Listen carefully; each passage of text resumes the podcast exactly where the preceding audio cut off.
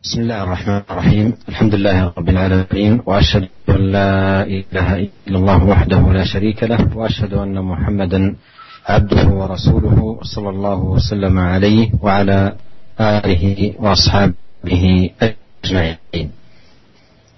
أما بعد لا نزال أيها الإخوة المستمعون في باب تحريم الظلم. أورد المصنف رحمه الله تعالى حديث أبي بكرة نفيع بن الحارث رضي الله عنه عن النبي صلى الله عليه وسلم قال إن الزمان قد استدار كهيئته يوم خلق الله السماوات والأرض السنة اثنا عشر شهرا منها أربعة حرم ثلاث متواليات ذو الكعدة وذو الحجة والمحرم ورجب مضر الذي بين جمادى وشعبان. أي شهر هذا؟ قلنا الله ورسوله أعلم فسكت حتى ظننا أنه سيسميه بغير اسمه قال أليس ذا الحجة؟ قلنا بلى. قال فأي بلد هذا؟ قلنا الله ورسوله أعلم. فسكت حتى ظننا أنه سيسميه بغير اسمه قال أليس البلدة؟ قلنا بلى. قال فأي يوم هذا قلنا الله ورسوله أعلم. فسكت حتى ظننا أنه سيسميه بغير اسمه. قال أليس يوم النحر؟ قلنا بلى. قال فإن دماءكم وأموالكم وأعراضكم عليكم حرام. كحرمة يومكم هذا في بلدكم هذا في شهركم هذا. وستلقون ربكم فيسألكم عن أعمالكم ألا فلا ترجعوا بعدي كفارا يضرب بعضكم رقاب بعض. ألا ليبلغ ألا ليبلغ الشاهد الغائب. فلعل بعض من يبلغه أن يكون أوعى له من بعض من سمعه. ثم قال ألا هل بلغت؟ ألا هل بلغت؟ قلنا نعم. قال اللهم اشهد متفق عليه. هذا الحديث أيها الإخوة المستمعون الكرام هو شاهد لهذه الترجمة تحريم الظلم وفيه دلالة على ذلك حيث بين عليه الصلاة والسلام حرمة الدماء وحرمة الأموال وحرمة الأعراض وأنها حرام كحرمة آه، شهر ذي الحجة وكحرمة بلد الله الحرام فالذي حرم شهر ذي الحجة والذي أيضا حرم البلد الحرام هو جل في علاه الذي حرم الأموال والأعراض والدماء والواجب على المسلم أن يتقي الله سبحانه وتعالى وأن يحذر من ظلم أي أحد سواء في ماله أو في دمه أو في عرضه فكل ذلك حرام وكله من الظلم.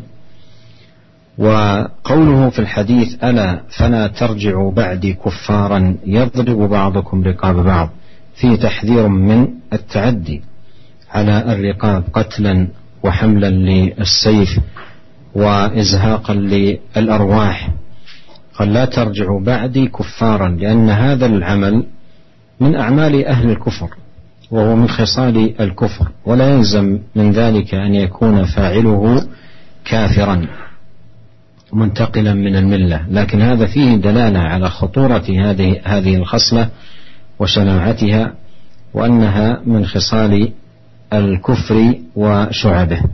والشاهد أن هذا الحديث فيه دلالة على التحذير من الظلم بالتعدي على الناس في الدماء أو الأموال أو الأعراض وأن الواجب أيضا رد الحقوق المالية أو نحوها إلى أصحابها حتى يتخلص من تبعة ظلمه لهم في أموالهم.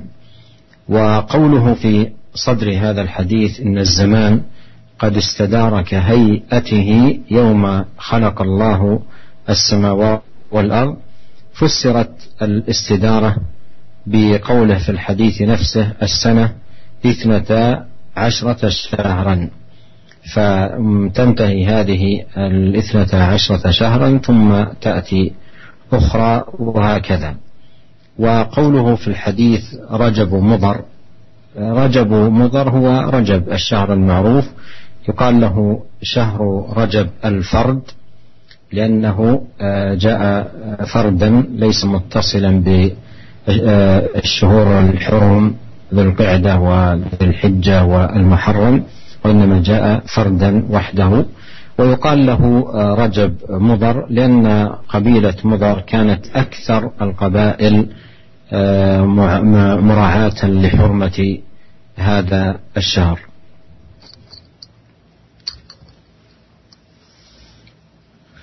Bismillahirrahmanirrahim. Alhamdulillah segala puji bagi Allah Subhanahu wa Rabb semesta alam. Aku bersaksi bahasanya tidak ada sesembahan yang berhak disembah kecuali Allah taala.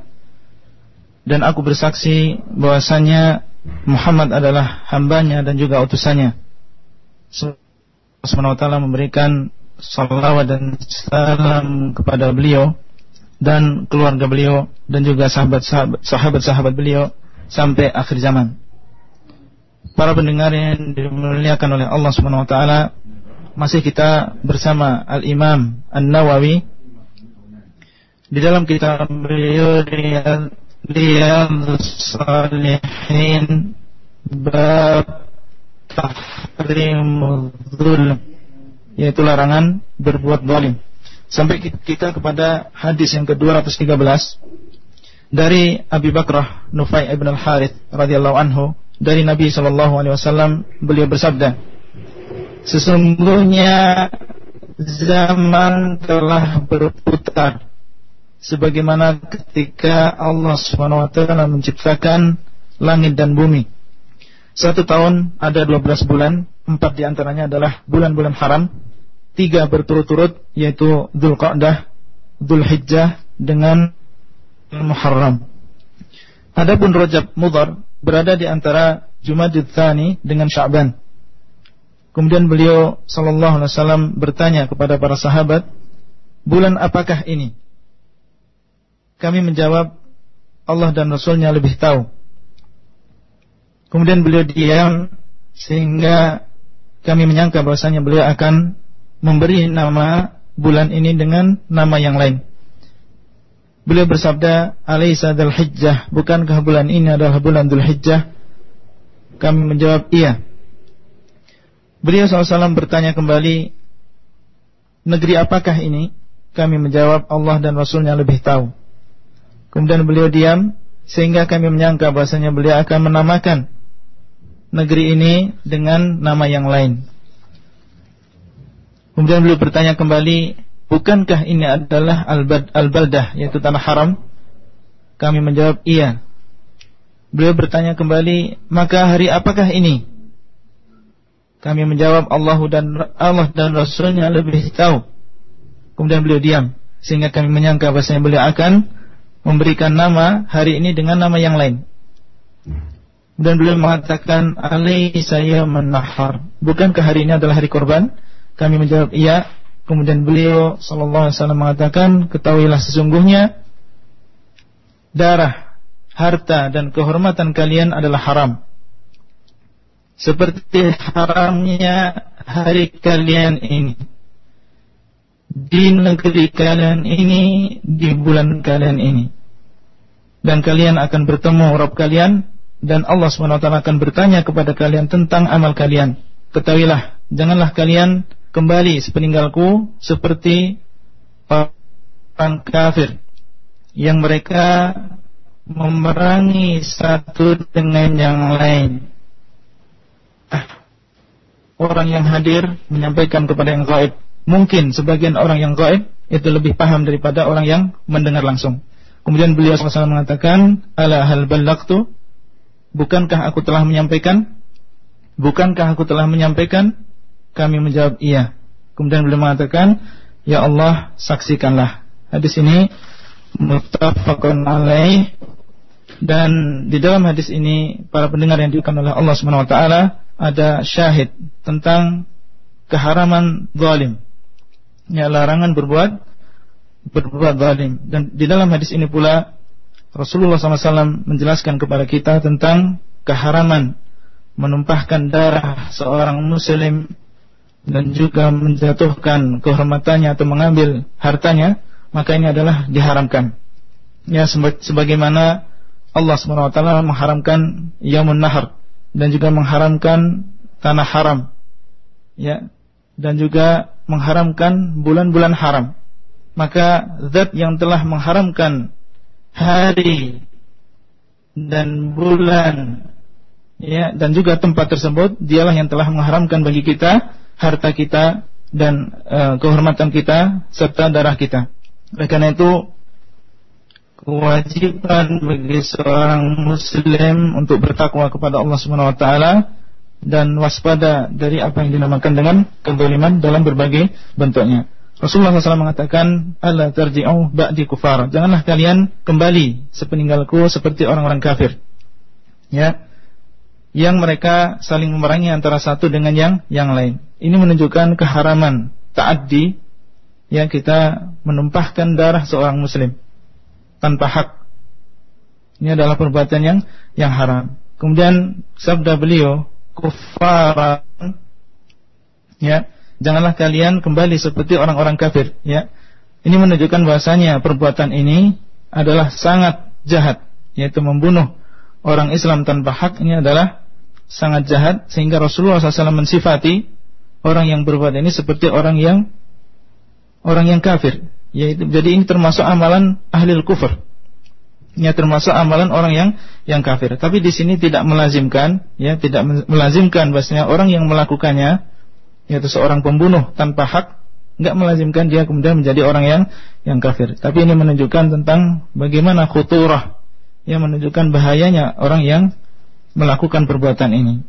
Jadi di dalam hadis ini ada tahdir, ya ada peringatan kepada kita semua tentang bahaya kezaliman. Dan juga di dalamnya ada kewajiban yang bagi kita untuk mengembalikan semua al-mazalim. Yang mengembalikan semua hal, semua barang, segala sesuatu yang kita dapatkan dengan cara yang yang zalim. Kemudian sabda beliau sallallahu alaihi wasallam, "Inna zaman qad istadar." Ya, bahwasanya zaman ini telah berputar. Ini ditafsirkan di dalam hadis ini juga dengan sabda beliau bahwasanya satu bulan eh, satu tahun ini ada 12 bulan. Jadi maksudnya berputar. Jadi kalau sudah 12 bulan selesai, kemudian datang 12 bulan yang yang lain. Ini maksudnya. Jadi zaman telah berputar maksudnya demikian.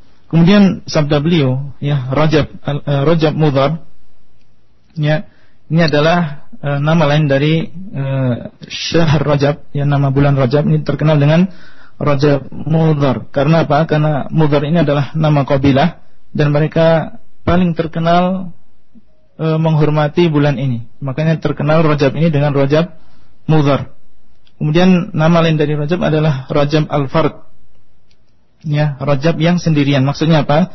Karena Rajab ini adalah bulan haram yang sendirian. Lain dengan Dzulqa'dah, ya Dzulhijjah dengan Al-Muharram. Maka tiga-tiganya ini ber, berurutan adapun Rajab ini sendirian. ثم أورد رحمه الله تعالى حديث أبي أمامة إياس بن ثعلبة الحارثي رضي الله عنه أن رسول الله صلى الله عليه وسلم قال من اقتطع حق امرئ مسلم بيمينه فقد أوجب الله له النار وحرم عليه الجنة. فقال رجل وإن كان شيئا يسيرا يا رسول الله فقال وإن قضيبا من أراك رواه مسلم. والأراك هو الشجر المعروف الذي يستاك بأعواده.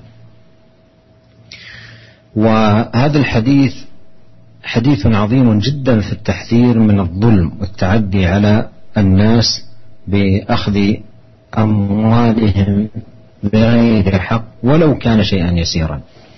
ولو كان شيئا يسيرا. حتى أن النبي عليه الصلاة والسلام لما سئل سأله رجل قال وإن كان شيئا يسيرا؟ قال وإن قضيبا من أراك. والقضيب من الأراك يعني شيء قليل جدا ويعد أمرا يسيرا. لكن النبي عليه الصلاة والسلام عظم حرمة الأموال والتعدي عليها ولو كان في شيء يسير. ثم لننظر هذه العقوبة المذكورة في هذا الحديث. قال من اقتطع حق امرئ مسلم بيمينه فقد أوجب الله له النار وحرم عليه الجنة. وهذا فيه خطورة اغتصاب حقوق العباد والحرص على وفيه الحث على أدائها لأهلها ولو كانت أشياء يسيرة. حتى يسلم من مغبتها وسوء عاقبتها. وحقوق العباد تمنع مغتصبها من دخول الجنة حتى تؤدى إلى أصحابها. ولهذا يحتجز الناس قبل دخول الجنة لترد المظالم ويعطى كل ذي حق حقه. وفي ذلك اليوم الأخذ إنما هو من الحسنات فإن فنيت حسنات العبد أخذ من سيئات من ظلمه فطرحت عليه ثم طرح في النار كما سيأتي عند المصنف في الحديث المشهور بحديث المفلس. Kemudian hadis yang selanjutnya adalah hadis Abu Umamah Iyas bin Ta'labah Al-Harithi radhiyallahu anhu bahwasanya Rasulullah SAW bersabda barang siapa yang mengambil hak seorang muslim dengan sumpahnya maka Allah SWT mewajibkan baginya neraka. Ya Allah pasti memasukkan dia ke dalam neraka dan mengharamkan atasnya surga. Maka seorang sahabat bertanya wa in kana syai'an yasiran ya Rasulullah? Bagaimana seandainya sesuatu yang diambil tersebut adalah sesuatu yang sangat sepele wahai Rasulullah maka beliau sallallahu alaihi wasallam mengatakan meskipun itu hanya sepotong kayu arak. Ya meskipun itu hanya sepotong kayu arak. Hadis ini diwatkan oleh Imam Muslim. Yang dimaksud dengan arak di sini adalah kayu yang digunakan untuk siwak ya untuk uh, untuk membersihkan gigi atau siwak ini yang dimaksud dengan dengan arak ya, dan dalam arak dalam bahasa kita itu kayu arak.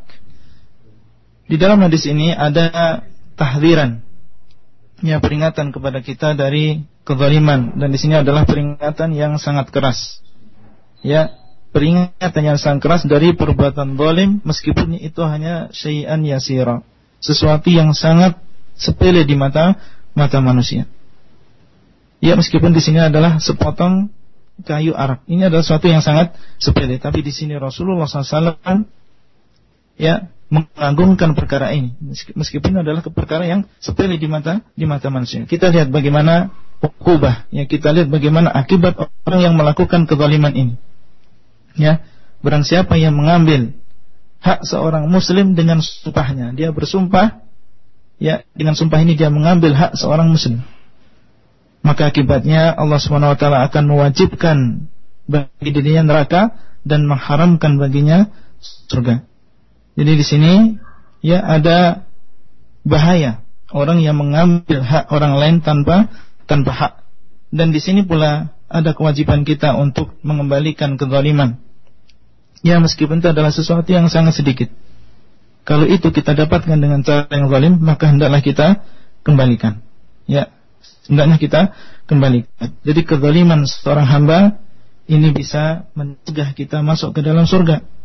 Oleh karena itu, manusia di akhirat kelak sebelum mereka masuk surga akan ditahan oleh Allah. Tidak bisa masuk surga sampai dikisos. Dikembalikan ya hak kepada pemiliknya. Ya, dan yang ada di sana adalah hasanat dan juga sayiat, kebaikan dan juga kejelekan ya kebaikan orang yang zalim apabila dia punya nanti akan dibagikan kepada orang-orang yang pernah dia zalimi. Kalau dia tidak punya kebaikan, maka kejelekan orang-orang yang pernah dia zalimi akan ditimpakan kepadanya sehingga dengan sebab itu dia masuk ke dalam ke dalam neraka. ثم أورد المصنف رحمه الله تعالى حديث عدي بن عميرة رضي الله عنه قال سمعت رسول الله صلى الله عليه وسلم يقول من استعملناه منكم على عمل فكتمنا مخيطا فما فوقه كان يأتي به يوم القيامة فقام إليه رجل أسود من الأنصار كأني أنظر إليه فقال يا رسول الله اقبل عني عملك قال وما لك؟ قال سمعتك تقول كذا وكذا قال أي النبي عليه الصلاة والسلام وأنا أقوله الآن من استعملناه على عمل فليجيء بقليله وكثيره فما أوتي منه أخذ وما نهي عنه انتهى رواه مسلم. هذا الحديث هو في هذا الباب آه، تحريم الظلم وخطورته وأن من كتم شيئا ولو كان يسيرا بغير حق فإنه يأتي به غلولا يوم القيامة يحمله آه، ويعاقب عليه يوم يلقى الله سبحانه وتعالى.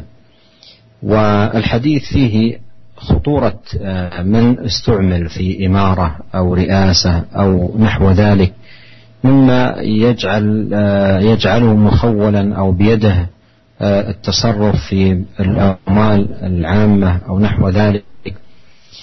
فيقول عليه الصلاة والسلام من استعملناه منكم على عمل أي إمارة أو رئاسة أو نحو ذلك فكتمنا مخيطا فما فوقه. والمخيط والإبرة الغليظة مخيطا فما فوقه. كان غلولا. إذا كان من كتم مخيطا كان غلولا. فكيف بمن يكتم الأموال الكثيرة و لا يبالي في في التعدي على الأموال ونهبها والأخذ منها.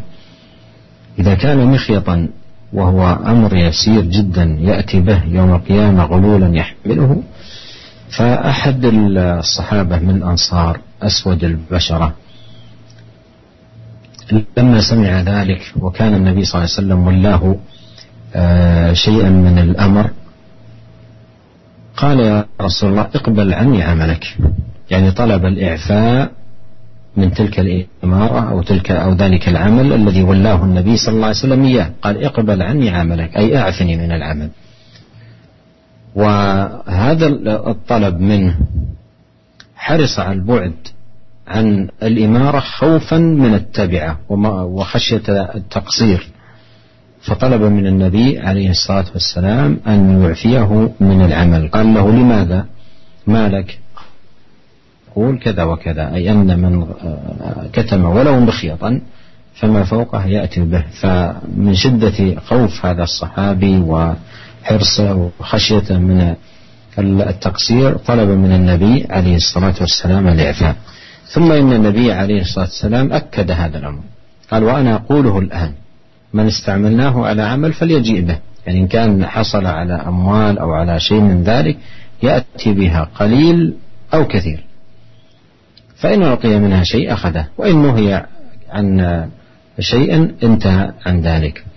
فهذا الحديث فيه أن من اؤتمن على أموال المسلمين فعليه أن يحافظ عليها وأن يوصلها إلى مستحقيها وأنه إن كتم منها ولو شيئا يسيرا وأمرا قليلا سيكون غلولا يحمله يوم القيامة.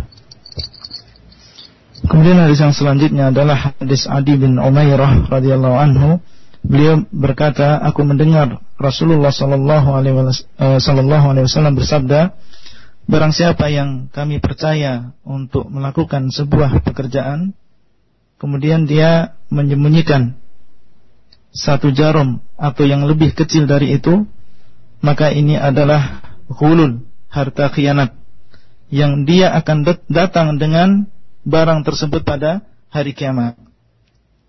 Kemudian seorang laki-laki yaitu uh, yang hitam dari kalangan Ansar bangkit kepada Rasulullah SAW uh, eh, dan aku melihatnya maka dia berkata kepada Rasulullah SAW ya Rasulullah izinkan aku untuk mengembalikan amalan ini kepadamu maksudnya adalah beliau ingin mengundurkan diri dari pekerjaan yang telah ditimpakan atau dilimpahkan kepadanya. Maka Rasulullah SAW bersabda, ada apa atau kenapa engkau melakukan demikian? Kemudian dia berkata, aku mendengar engkau melakukan e, mengatakan demikian dan demikian. Itu aku mendengar engkau bersabda demikian dan demikian. Maka Rasulullah SAW mengatakan, ana aku an dan aku katakan sekarang ini lagi. Barang siapa yang kami berikan kepercayaan kepadanya untuk melakukan sebuah amalan, maka hendaklah dia datang dengan hasilnya sedikit atau banyak. Maka apa yang diberikan kepadanya hendaklah dia ambil. Ya, wa manuh ya anhu intah dan apa yang dilarang untuk diambil maka hendaklah dia dia tinggalkan. Ya hadis ini diriwayatkan oleh Imam Muslim dan di dalam hadis ini ada tahdir, ya ada peringatan kepada kita tentang kezaliman, ya, peringatan dari berbuat berbuat zalim dan bahasanya barang siapa yang mengambil sesuatu tanpa hak ya, dia sudah diserai pekerjaan, kemudian dia menyembunyikan sesuatu. Ya, menyembunyikan sesuatu tanpa hak. Meskipun itu adalah sebuah jarum. Kita tahu bagaimana kecilnya jarum, ya. Maka itu adalah termasuk gulul yang nanti akan dia bawa pada hari kiamat, ya dan akan diikab akan dibalas oleh Allah Subhanahu wa taala. Dan di dalam hadis ini pula ada khuturah, ada bahaya ya orang yang telah dipercaya dengan sebuah kekuasaan ya al-imarah atau ri'asah kemudian dia berkhianat ya menggunakan sebagian harta yang ada di situ untuk kepentingan pribadi. Ancaman di sini adalah tentang orang yang mengambil satu jarum. Maka bagaimana dengan orang yang mengambil harta yang banyak? Di mana harta tersebut adalah harta orang lain? Ya tentunya yang di sini adalah e, bahaya yang besar bagi seorang yang berkhianat. Kemudian sabda beliau ya man ista'malnahu minkum ala amalin ya fakatamaha mikhyatan fama fawqahu kana gululan ya'ti bihi yaumil qiyamah ya di sini adalah sekali lagi ya tahdiran bagi orang yang mengambil sesuatu tanpa hak dan dia tidak peduli dari mana dia mengambil sesuatu tersebut. Nah, di sini seorang sahabat yang disifati di sini adalah uh, kulitnya berwarna hitam dari kalangan Ansor. Ketika dia mendengar hadis ini, dia bangkit ya dan berkata kepada Rasulullah, "Ya Rasulullah, izinkan aku untuk mengundurkan diri." Jadi beliau ini sebenarnya dipasrai amalan ya dipasrai pekerjaan oleh Rasulullah Shallallahu Alaihi Wasallam. Ketika mendengar hadis ini, yang beliau ya takut kalau beliau berbuat taksir, ya tafrid. Beliau takut kalau sampai tidak bisa melaksanakan amanat. Makanya beliau mengatakan ya Rasulullah, izinkan aku untuk mengundurkan diri dari pekerjaan ini. Ya, kemudian Rasulullah SAW berkata kepadanya, ada apa kamu? Maka dia berkata atau menjawab, aku mendengar engkau bersabda demikian. Ya, jadi sekali lagi para pendengar yang dimuliakan oleh Allah Subhanahu wa taala, dalam hadis ini adalah uh, tahdiran ya, peringatan kepada kita semua dari perbuatan zalim ini dan hendaknya orang yang diberikan amanat ya dalam pekerjaan tertentu hendaklah dia menyampaikan hak kepada yang yang berhak, menyampaikan hak kepada yang yang berhak dan jangan sampai dia menyembunyikan darinya sedikit pun. ثم أورد رحمه الله تعالى حديث عمر بن الخطاب رضي الله عنه قال لما كان يوم خيبر أقبل نفر من أصحاب النبي صلى الله عليه وسلم فقالوا فلان شهيد وفلان شهيد حتى مروا على رجل فقالوا فلان شهيد. فقال النبي صلى الله عليه وسلم كلا إني رأيته في النار في بردة غلها أو عباءة. رواه مسلم. هذا الحديث أيضا فيه دلالة على تحريم الظلم وخطورته وأن من غل شيئا ولو كان يسيرا فإنه آه، يعاقب عليه يوم القيامة. وهذا الرجل شارك مع النبي صلى الله عليه وسلم في الجهاد في غزوة خيبر ومع جيش النبي عليه الصلاة والسلام ومع الصحابة ويقاتل الكفار. ولكنه غل عباءه أو بردة وكتمها. أو أخفاها. فقال النبي عليه الصلاة والسلام إني رأيته في النار. لنتنبه أيها الإخوة. هذا رجل في المعركة ويقاتل الكفار وفي غزوة خيبر ومع النبي صلى الله عليه وسلم ومع الصحابة الكرام وغل بردة أو عباءة. فقال النبي عليه الصلاة والسلام إني رأيته في النار في بردة غلها. في بردة غلها. فلا شك أن هذا فيه خطورة لأخذ الأموال أموال الناس بغير الحق ولو كان شيئا يسيرا أو نزرا قليلا. ومن فوائد هذا الحديث أنه لا يجوز إطلاق لفظ الشهيد على شخص معين لأن الشهيد عند الله هو من قاتل لتكون كلمة الله هي العليا. وهذا أمر لا يطلع عليه ولا يعلم به. فهذا الآن الصحابي قالوا في أشخاص قبل فلان شهيد فلان شهيد حتى مروا على رجل فقالوا فلان شهيد قال كلا. قال النبي عليه الصلاة والسلام كلا. فإذا إطلاق شهيد على كل من قتل في المعركة هذا لا يجوز لكن يقال نرجو أن يكون من الشهداء نحسبه الله حسبه من الشهداء. نسأل الله أن يكون من الشهداء ونحو ذلك. ونسأل الله عز وجل لنا جميعا التوفيق والسداد والعون على كل خير. Kemudian hadis yang selanjutnya adalah hadis Umar bin Khattab radhiyallahu anhu. Beliau berkata ketika Yom Khaybar ketika perang Khaybar datang serombongan dari sahabat-sahabat Nabi sallallahu alaihi wasallam. Kemudian mereka berkata fulan syahid. Si fulan adalah syahid. Si fulan adalah syahid. Kemudian mereka melewati seorang laki-laki. Kemudian dia, mereka mengatakan fulan syahid. Si fulan ini telah mati telah mati syahid maka Nabi SAW bersabda tidak sesungguhnya aku melihat dia berada di dalam neraka karena pakaian yang dia curi secara sembunyi-sembunyi dari rampasan perang. Ya hadis ini diriwayatkan oleh Imam Muslim.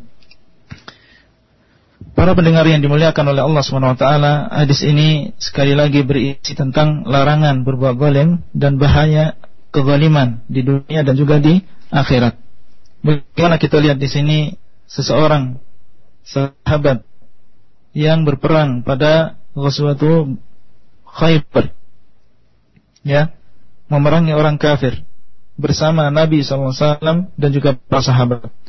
Cuma dia melakukan sebuah perkara yaitu sebuah kezaliman karena dia di sini mengambil sesuatu tanpa hak. Dan yang dicuri bukan sesuatu yang sangat mahal harganya tapi hanya sepotong pakaian tapi karena ini adalah sebuah kezaliman maka Rasulullah SAW mengabarkan bahwasanya si fulan itu bukan syahid bukan mati syahid tapi dia berada di dalam di dalam neraka ya berada di dalam di dalam neraka dan dia antara faedah yang bisa kita ambil dari hadis ini tidak boleh kita mengatakan bahwasanya si fulan mati syahid. Ya, tidak boleh secara itlak kita mengatakan si fulan mati syahid. Karena yang namanya syahid di sisi Allah taala adalah orang yang berperang supaya untuk menegakkan kalimat Allah, untuk meninggikan kalimat Allah la ilaha illallah. Ya dan niat seperti ini tidak ada yang tahu kecuali Allah taala. Oleh karena itu tidak kita katakan bahwasanya fulan adalah seorang syahid. Ya, kita katakan kita berharap. Ya, kita berharap bahwasanya fulan termasuk syuhada. Atau kita memohon kepada Allah semoga Allah menjadikan dia termasuk syuhada. Ya. Inilah yang bisa kita sampaikan pada sore hari ini. E, kita memohon kepada Allah Subhanahu wa taala taufik e, kepada kita semua dan e, inilah hadis terakhir yang bisa kita sampaikan pada kesempatan kali ini. Nah, jazakallah khairan ya Syekh atas dars yang telah disampaikan. Terima kasih juga untuk Ustadz Abdullah Rai yang telah menerjemahkan dars di kesempatan sore yang berbahagia ini. Saudaraku seiman, di mana pun Anda masih ada tersisa waktu bagi kita untuk bertanya dan menyampaikan pertanyaan via uh, pesan singkat untuk Anda yang telah menyampaikannya atau mungkin ada kesempatan bagi Anda yang akan bertanya via telepon di 0218236543. Baik untuk yang pertama kami angkat pertanyaan yang datang dari pendengar kita melalui pesan singkat Ada Bapak Andrianto di Jakarta Selatan yang bertanya pertanyaan sebagai berikut. Assalamualaikum warahmatullahi wabarakatuh. Ya Syekh, dari hadis yang pertama Syekh sampaikan tadi dari hadis Abi Bakra ada redaksi perkataan para sahabat Allah dan Rasulnya yang lebih mengetahui Bukankah ini merupakan suatu ungkapan mensejajarkan Allah dengan makhluknya, yakni Nabi Shallallahu Alaihi Wasallam? Lalu bagaimanakah hukum dari mengucapkan perkataan tersebut di saat uh, Rasulullah Shallallahu Alaihi Wasallam telah wafat? Terima kasih. Jazakallah khairan ya Syekh.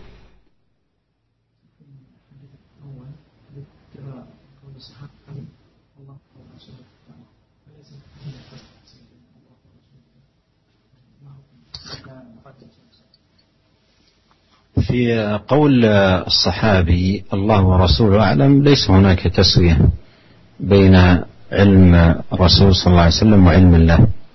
وإنما إخبار بأن هذا الأمر الذي سئل عنه بأن الله عز وجل أعلم به ورسوله صلى الله عليه وسلم أعلم به. و علم الرسول صلى الله عليه وسلم إنما هو بتعليم الله إياه. ولهذا إن كان عنده فيها علم وإلا نزل عليه الوحي من الله تبارك وتعالى وعلمك ما لم تكن تعلم وكان فضل الله عليك عظيما وقل رب زدني علما. لكن إذا كان آه هذا الأمر بعد وفاة النبي عليه الصلاة والسلام فلا يقال إلا الله أعلم. بعد وفاته صلى الله عليه وسلم لا يقال إلا آه الله أعلم كما بين ذلكم آه أهل آه العلم. Pertanyaan pertama dari Bapak Rianto tentang hadis yang pertama yaitu hadis Abi Bakrah di mana di dalamnya para sahabat mengatakan kepada Rasulullah SAW Allahu wa rasuluhu a'lam Allah dan Rasulnya lebih tahu Apakah di dalam ucapan ini ada e, pensejajaran antara Allah dan Rasulnya? Dan apa hukumnya mengatakan ucapan ini setelah wafatnya Rasulullah Sallallahu Alaihi Wasallam? Berkata Syekhuna Hafizahullah bahasanya di dalam ucapan ini yaitu Allah wa Rasulu a'lam ini tidak ada taswiyah. Ya tidak ada pensejajaran antara Allah dan Rasulnya. Tidak ada pensejajaran, pensejajaran antara ilmu Allah dan Rasulnya. Akan tapi maksud dari ucapan ini adalah kabar, ya, pengkabaran bahasanya perkara ini, perkara yang ditanyakan ini Allah dan Rasulnya lebih tahu daripada yang mendengarkan. Ini maksudnya. Dan ilmu Rasulullah SAW ini didapatkan dengan taklim dari Allah, dari pengajaran dari dari Allah SWT. Apabila beliau tidak memiliki ilmu tersebut, maka Allah SWT akan menurunkan wahyu wa. Dan dialah Allah SWT yang telah mengajarkan kepadamu sesuatu yang segala sesuatu yang yang sebelumnya tidak kamu tahu. Ya. Dan beliau SAW mengatakan Rabbi zidni ilma. Ya, ya Allah, tambahkanlah ilmu pada pada diriku. Ya, ini adalah maksud dari kalimat Allahu wa Rasuluhu alam. Adapun ucapan ini e, dikatakan e, setelah wafatnya Rasulullah SAW maka diterangkan oleh para ulama e, apabila setelah wafatnya Rasulullah SAW maka yang dikatakan adalah Allahu a'lam ya kita katakan Allah lebih lebih tahu dan tidak kita katakan Allah dan Rasulnya lebih lebih tahu. Jadi setelah wafatnya Rasul ya kita katakan Allah Allahu a'lam saja. Ya Allah lebih lebih tahu. Wassalamualaikum warahmatullahi wabarakatuh